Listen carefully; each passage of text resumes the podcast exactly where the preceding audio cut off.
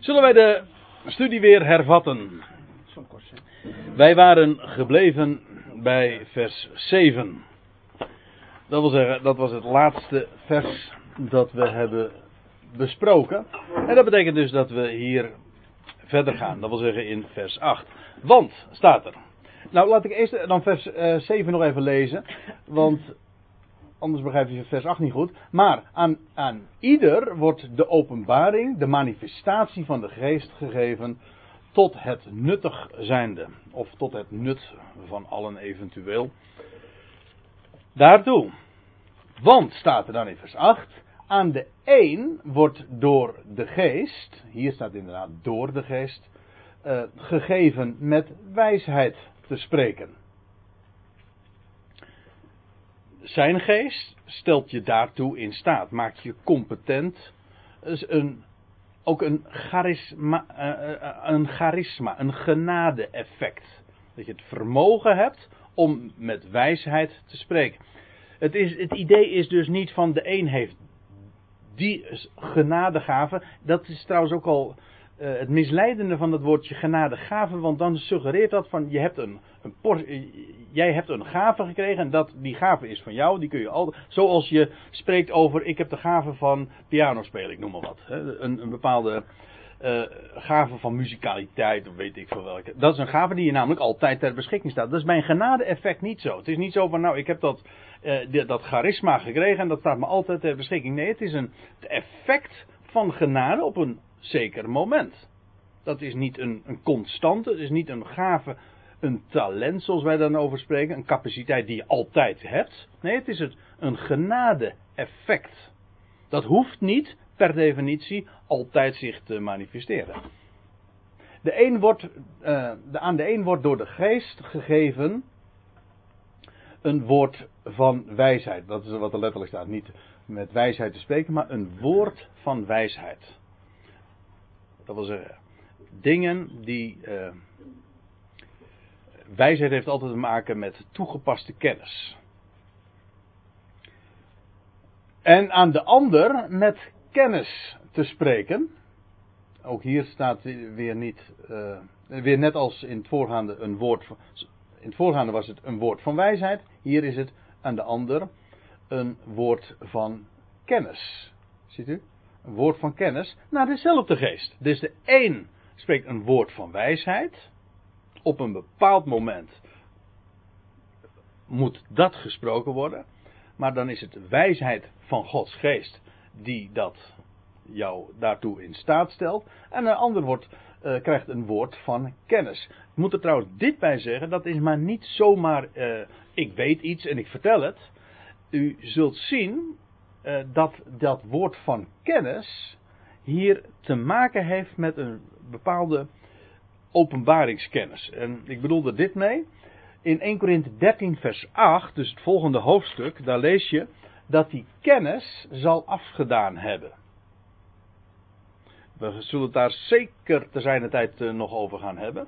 Ik zal nu dit vers trouwens nog diverse keren citeren, want er zijn bepaalde charismata, bepaalde charisma's, zo u wilt, die ook vandaag nog steeds werkzaam zijn. Gods een genade-effect, een genade-effect. Maar er zijn andere genade-effecten die inmiddels, als ik het zo mag zeggen, over de datum zijn. Die nu niet meer actueel zijn. Om een hele simpele reden, omdat het volmaakte is gekomen, de volwassenheid. Waar Paulus over spreekt in 1 Korinthe 13. En dan zegt hij in dat verband, in 1 Korinthe 13, is een van de, de, de grote clue in dat hoofdstuk, of een van de clues moet ik zeggen, is dat bepaalde charismata, bepaalde genade-effecten, een, tot een bepaalde tijd hun werking hebben, hun nut hebben. En als het eenmaal volkomen is, compleet is, dan is dat over en dan maakt dat plaats voor. Is de, daar staat er, kennis zal afgedaan hebben. Kijk, u moet zich realiseren, dit werd geschreven in de dagen dat het Nieuwe Testament, de schriften, de Griekse Bijbel, nog niet compleet was. Het woord van God was nog niet compleet. Dat is heel belangrijk om je dat te realiseren. Het woord van God was nog niet compleet. Paulus zou het woord van God completeren. Colossense 1 vers 25. Aan hem was de bediening gegeven om het woord van God te completeren. Maar toen, in die dagen, werd, werden er ook, waren er genade-effecten van kennis. Aan bepaalde mensen werd iets geopenbaard, iets bekendgemaakt. En die, die spraken dat uit, een woord van kennis. Nu is inmiddels alles geopenbaard. En hoeft dat, hoeven die uitingen niet meer gedaan te worden. Het is, het is nu volstrekt uitgesloten dat God aan u iets bijzonders openbaart. Een woord zou openbaren dat hier niet zou staan. Waarom is dat uitgesloten? Omdat het woord van God compleet is. We hebben de schriften. Dus bepaalde charismata, die zijn inderdaad nu voorbij. Om de simpele reden, niet omdat we armer zijn geworden. Zo van, nou, toen, toen waren ze nog zo rijk en toen kregen ze dat, uh, charisma. Nee, het is omgekeerd. Dat charisma heeft inmiddels zijn effect gehad, zijn, het beoogde effect. En nu, inmiddels, is de kennis compleet. We kennen volkomen. Zo zegt Paulus dat ook, hè. Paulus zegt, nu ken ik nog onvolkomen, maar straks, en dan bedoelt hij als de, als de Ecclesia volwassen wordt, ik ik praat nu voor, een beetje voor mijn beurt, omdat ik dit allemaal nog moet aantonen. Maar in 1 Corinthië 13 laat hij inderdaad zien dat er een bepaalde kindsheidperiode was. Een beetje een misleidend woord, kindsheid. Hè? Maar ik bedoel, de, een, periode van kind zijn. En, die, op en als, de, als die periode voorbij is, dan is de volwassenheid ingetreden. En dan leg je af wat kinderlijk is. Ben je een arme? Nee, je bent juist rijp geworden. Nou, zoals met de Ecclesia ook. In de, deze dagen dat Paulus dit optekende, was de Ecclesia nog een kind. Sprak het als een kind, deed het als een kind. En werden er nog, waren er uitingen van kennis. Omdat de schriften nog niet compleet waren. Nu zijn de schriften compleet. Nu kennen we volkomen. Dat wil zeggen, alles wat te weten is, alles wat God te openbaren had, is geopenbaard. Nu is de Ecclesia volwassen. Nou, dat is een beetje een lange inleiding, maar het gaat er even om dat uh, hier, als hier gesproken wordt over een woord van kennis, is dat een heel bijzonder woord. Namelijk een woord dat gewoon rechtstreeks aan iemand bekendgemaakt wordt. Wel, dat was er in die dagen en dat was allemaal naar de geest. Uh, aan de een geloof door dezelfde kracht ja, nou moet ik op uh, nog iets wijzen. Dat kom je niet achter als je een MBG-vertaling hebt. Als u trouwens een Telos-vertaling hebt, wel. In de Telos-vertaling staat dit heel mooi weergegeven. Want Paulus spreekt hier namelijk afwisselend over heteros. En dat heteros betekent andersoortig. En, en soms spreekt hij over, uh, over allos. Bijvoorbeeld als hier staat, kijk, aan de eh, aan de ander staat hier, uh, daar staat hier het woordje alles. Aan een ander. Maar als hier dan staat aan, aan de een geloof, ja, dat, de vertalers hebben dat helemaal weggemoffeld. Maar dan staat er letterlijk aan de andersoortige, aan iemand heel ander, aan een heel ander iemand. In het Nederlands is dat een beetje lastig weer te geven. Maar aan, het gaat er dus maar niet om van aan de een en aan de ander. Nee, aan, aan, een, aan een, iemand die anders is. Dat is andersoortig iemand. Wel, aan een andersoortig iemand. Uh, door dezelfde geest. Of letterlijk hier staat in dezelfde geest. Uh, geloof. Dat is vreemd. Misschien, zo op het eerste gezicht, als Paulus dat zo zegt, van hoe, hoe kan dat nou? Uh, aan, is het niet zo dat wij allen geloof hebben? Degene die tot het lichaam behoren, dat zijn toch juist gelovigen. Hoe kan het dan hier staan dat, dat God aan, aan, een, aan, aan een specifiek iemand geloof geeft? Ja, nou, dat betekent dus dat het hier over een apart geloof gaat. Want er wordt hier gesproken over de Ecclesia, namelijk een gezelschap van gelovigen. En aan bepaalde gelovigen, aan een soort gelovigen, wordt geloof gegeven. In dezelfde geest. Maar geloof gegeven. Geloven wat? Nou, als we even doorbladeren, ik hoef niet eens door te bladeren, in mijn hoofdstuk 13 lees je over dat sommigen, al waren het dat ik, ja, daar staat er verschillende dingen, maar er staat er, al waren het dat ik het geloof had, al het geloof had, zodat ik bergen verzette. Dat is een specifiek geloof. Je kan een geloof hebben in een bepaalde situatie dat dus feitelijk los staat van uh, dat wat er staat geschreven, maar dat je weet, ja, dat wordt je toebedeeld. Zo zal het gaan. Daar kun je trouwens nooit, een, daar kan een ander nooit blind op varen, maar een persoon kan dat voor zichzelf weten. Wel, dat kan. Maar dat is een genade-effect in de een. Als je uh, weet hebt, geloof hebt voor een specifieke situatie. Een geloof dat, zoals hier ook uh, in hoofdstuk 13 gezegd wordt, dat bergen verzet. Maar dat is geen, geen, uh, geen universeel verschijnsel. Nee, dat is een specifiek genade-effect in het leven van iemand. In een bepaalde situatie. Maar aan de ander staat er weer. En hier staat weer uh, allos. Aan een ander gaven van genezingen door die ene geest. Ja, daarover is natuurlijk ook al heel veel te doen geweest. Gaven van genezingen. En gek genoeg, maar ik heb altijd, uh, als ik hierover lees van anderen of over hoor, dan hebben ze het altijd over, ja, dat is een gave van. Een, een, bepaalde capaciteit die aan bepaalde mensen is gegeven om anderen te genezen. Maar er staat hier helemaal niet een gave van genezing, er staat hier genade-effecten van genezingen. Zoals sommige mensen geloof krijgen voor een specifieke situatie, krijgt de ander genade geeft de ander uh, wordt aan een ander uh, genade-effecten van genezingen gegeven. Is dat niet andersom?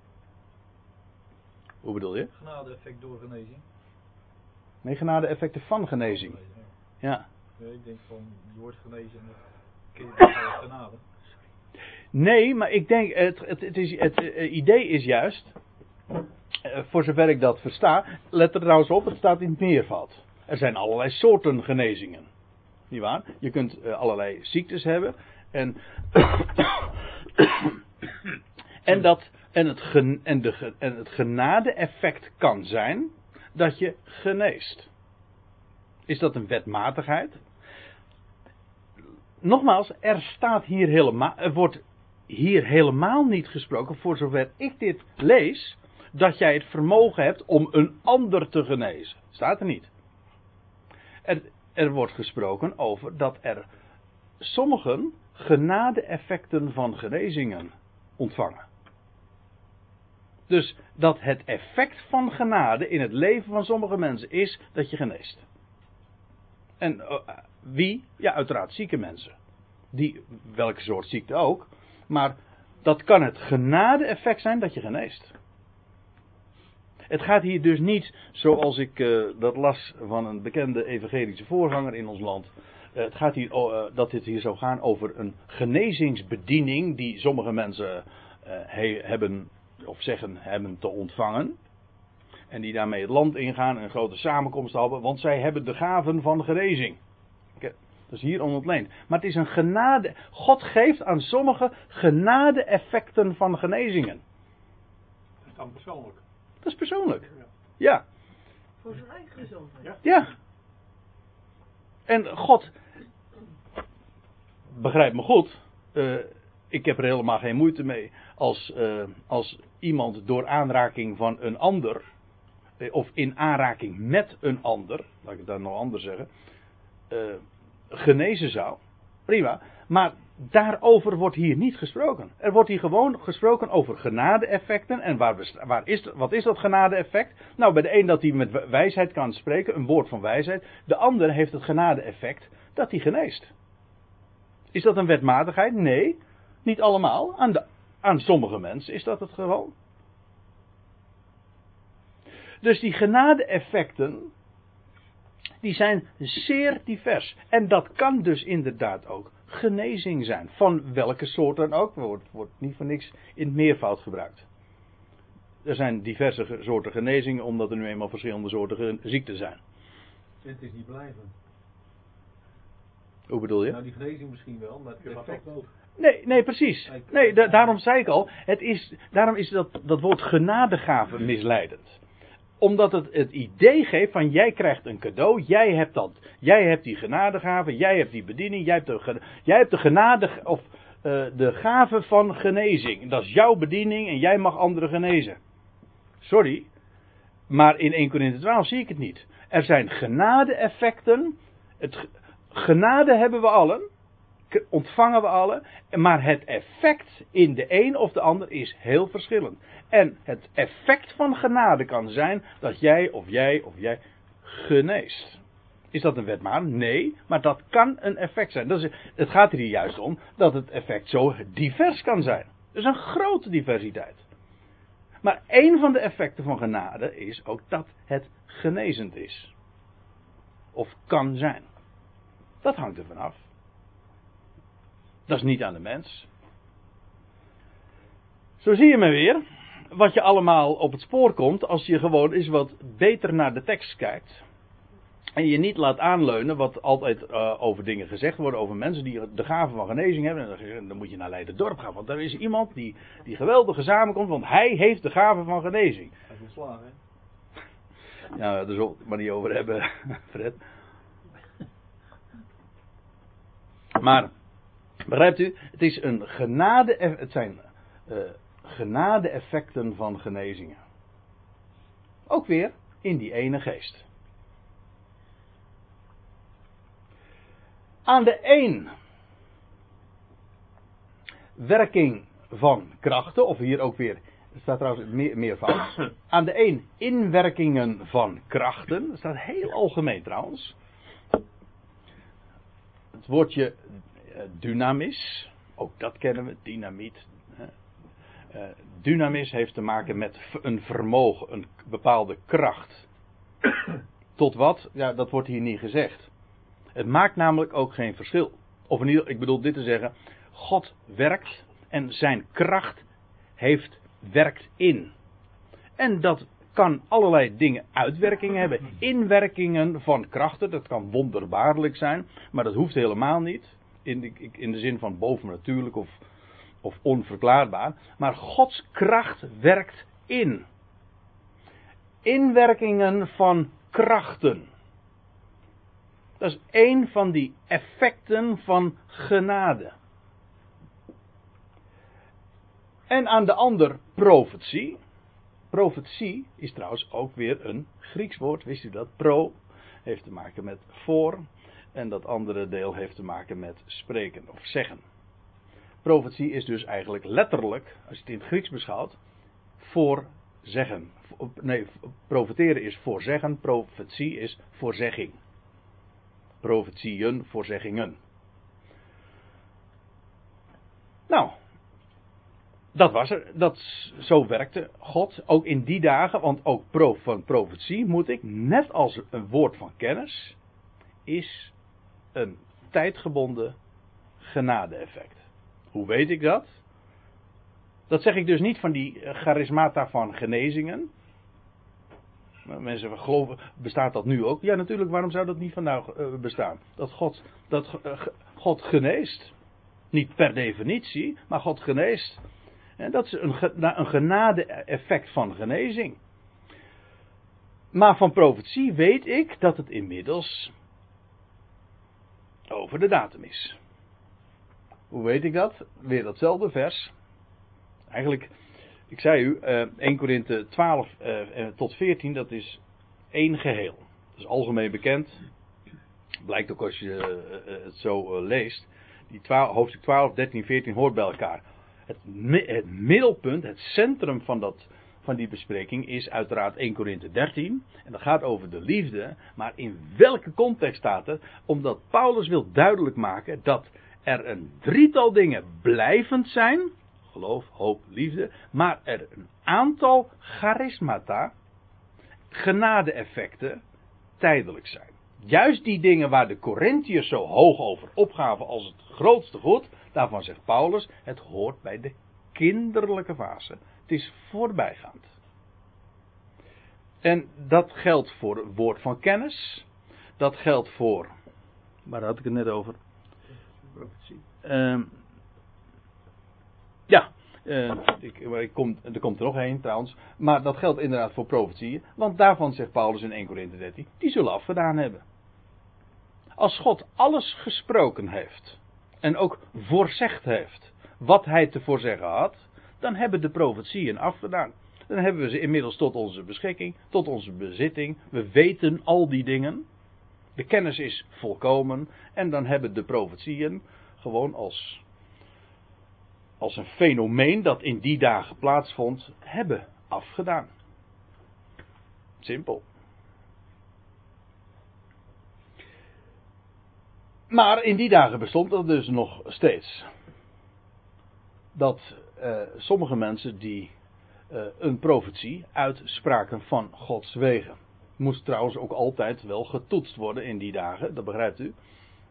Maar niettemin, God werkte op deze wijze aan de een uh, het onderscheiden van geesten. Letterlijk staat er aan de een onderscheidingen van geesten. Dat wil zeggen dat je geesten kunt in de Griekse of in de concordant version wordt het vertaald met discriminations. Dat wil zeggen het uh, kunnen discrimineren heeft bij ons een wat negatieve betekenis. Maar het betekent gewoon dat je dingen uh, kunt uh, beoordelen en verschil kan maken tussen. Dus dat je, on, dat, je, uh, de, dat je in staat bent, competent bent om geesten te onderscheiden. Achter elke boodschap gaat een geest schuil. Zo, dat is Bijbels gedachte. Geloof niet. Paulus zegt, nee, dat zegt niet Paulus, dat zegt Johannes in de eerste Johannesbrief, 1 Johannes 4. Geloof niet elke geest. Maar toets de geesten. Hoezo? Nou, dat is een boodschap. Een boodschap. Kijk, het woord geest in, het, uh, in, in de Bijbel is een, staat voor alles wat je niet kunt zien. Feitelijk zegt het niet zozeer over wat het wel is, het zegt over iets wat het niet is, namelijk je kunt het niet zien. En dat kan een blazen zijn, dat kan de wind zijn, kun je ook niet zien.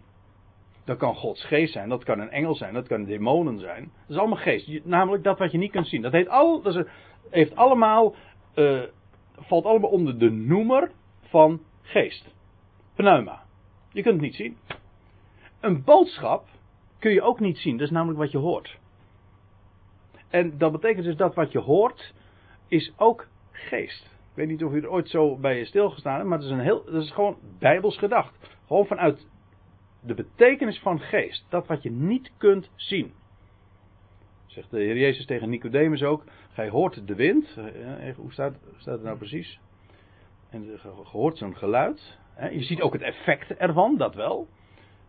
Namelijk dat de blaadjes eh, bewegen en zo. Maar de wind zelf zie je niet. Dat is allemaal geest, pneuma. Maar dat geldt voor boodschap ook. Wel, sommige mensen hebben eh, in, zijn competent of het, het is een effect van genade in hen, dat ze kunnen onderscheiden wat anderen niet kunnen. Want hier staat ook inderdaad, aan sommigen is dat gegeven. Het hele idee achter deze hele opsomming is dat het zo divers is dat het aan de een wel en de ander niet gegeven wordt. Dat is nu eenmaal de diversiteit, de variatie.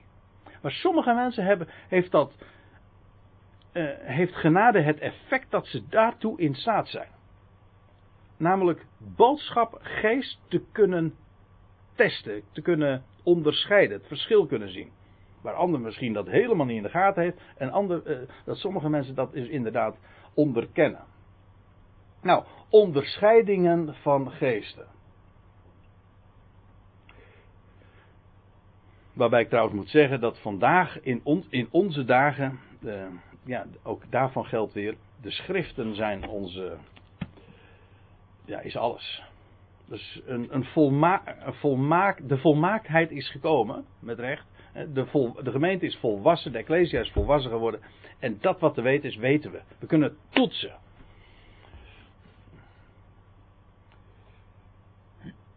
Dus in die zin is dat vermogen eigenlijk ook aan ons allen gegeven in onze dagen, omdat de schriften eh, compleet zijn.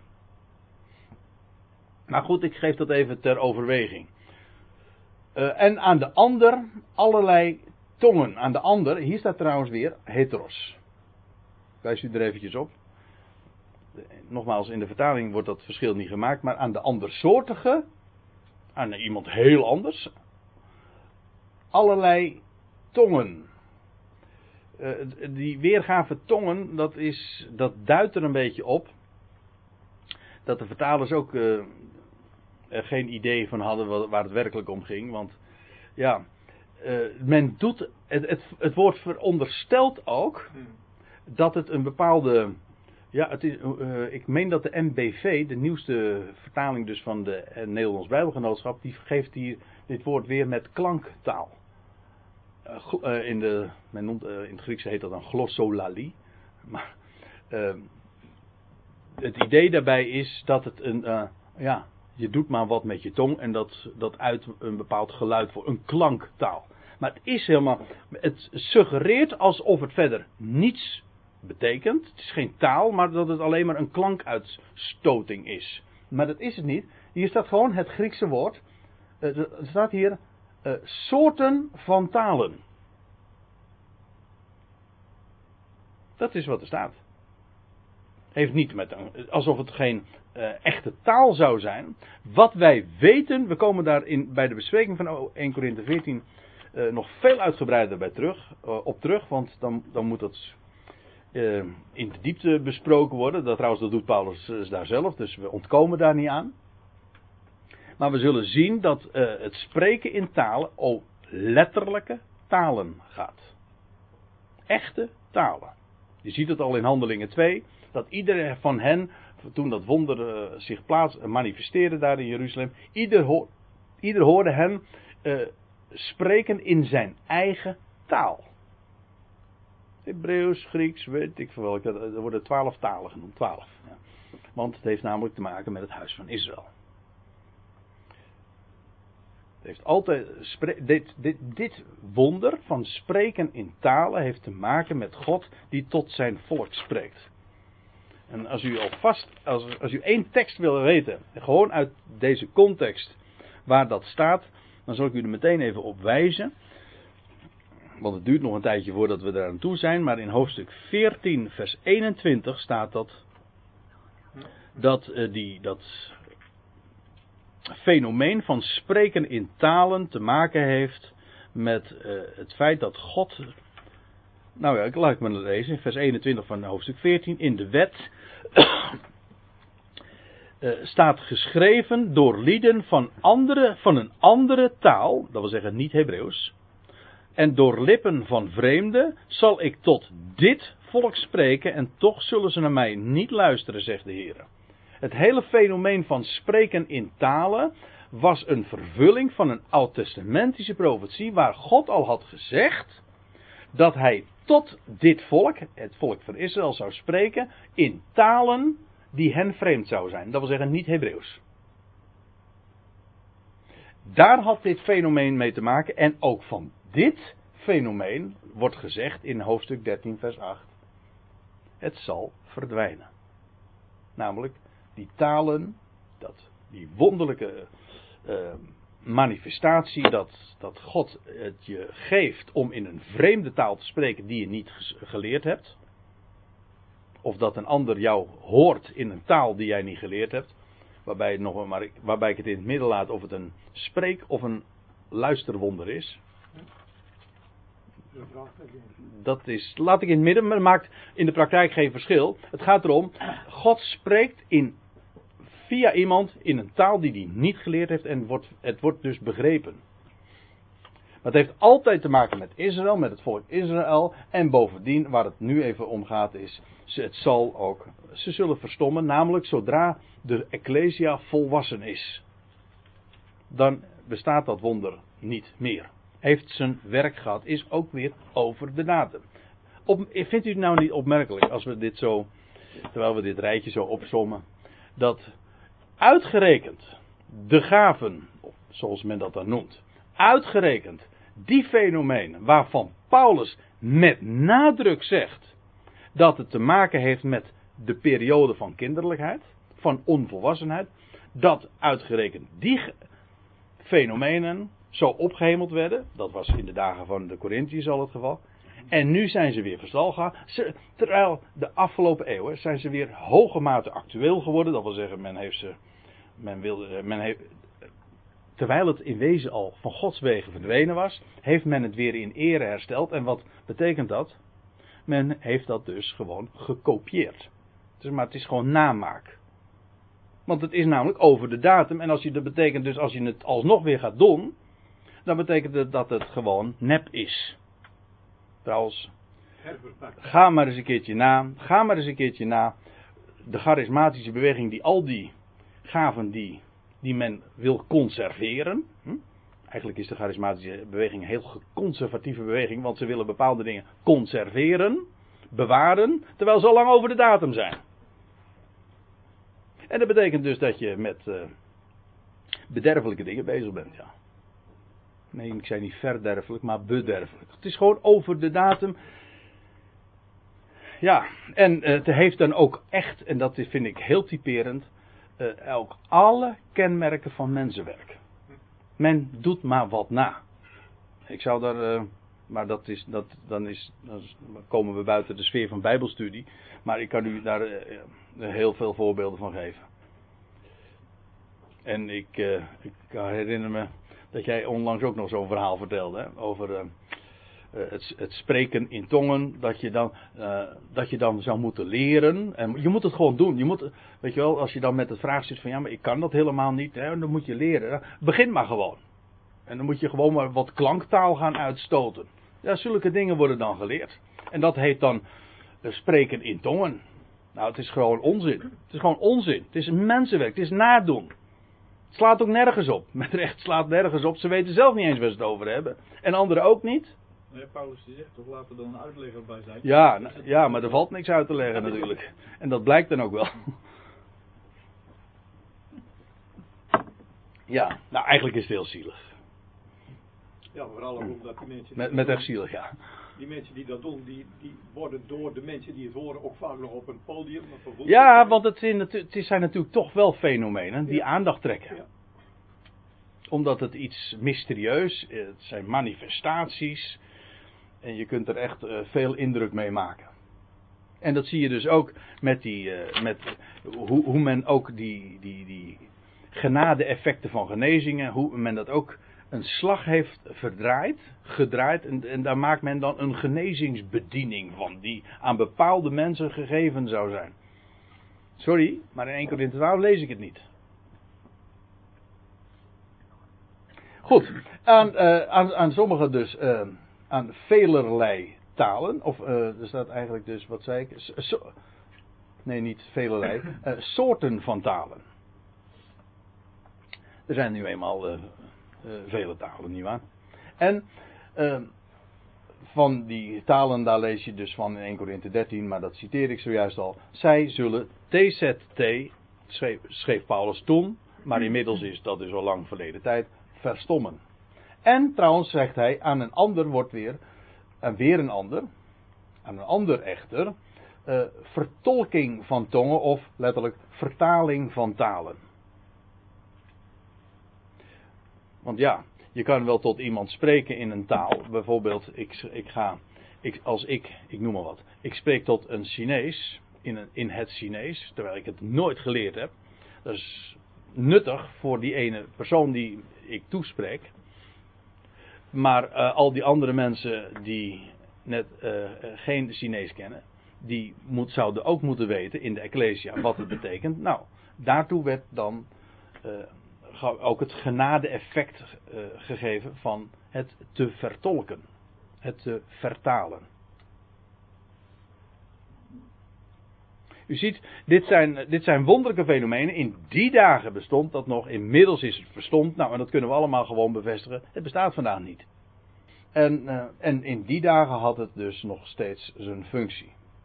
Maar hier somt Paulus het allemaal op, omdat het ook dat in die dagen ook niet aan iedereen werd gegeven. Dat is het. Doch staat er.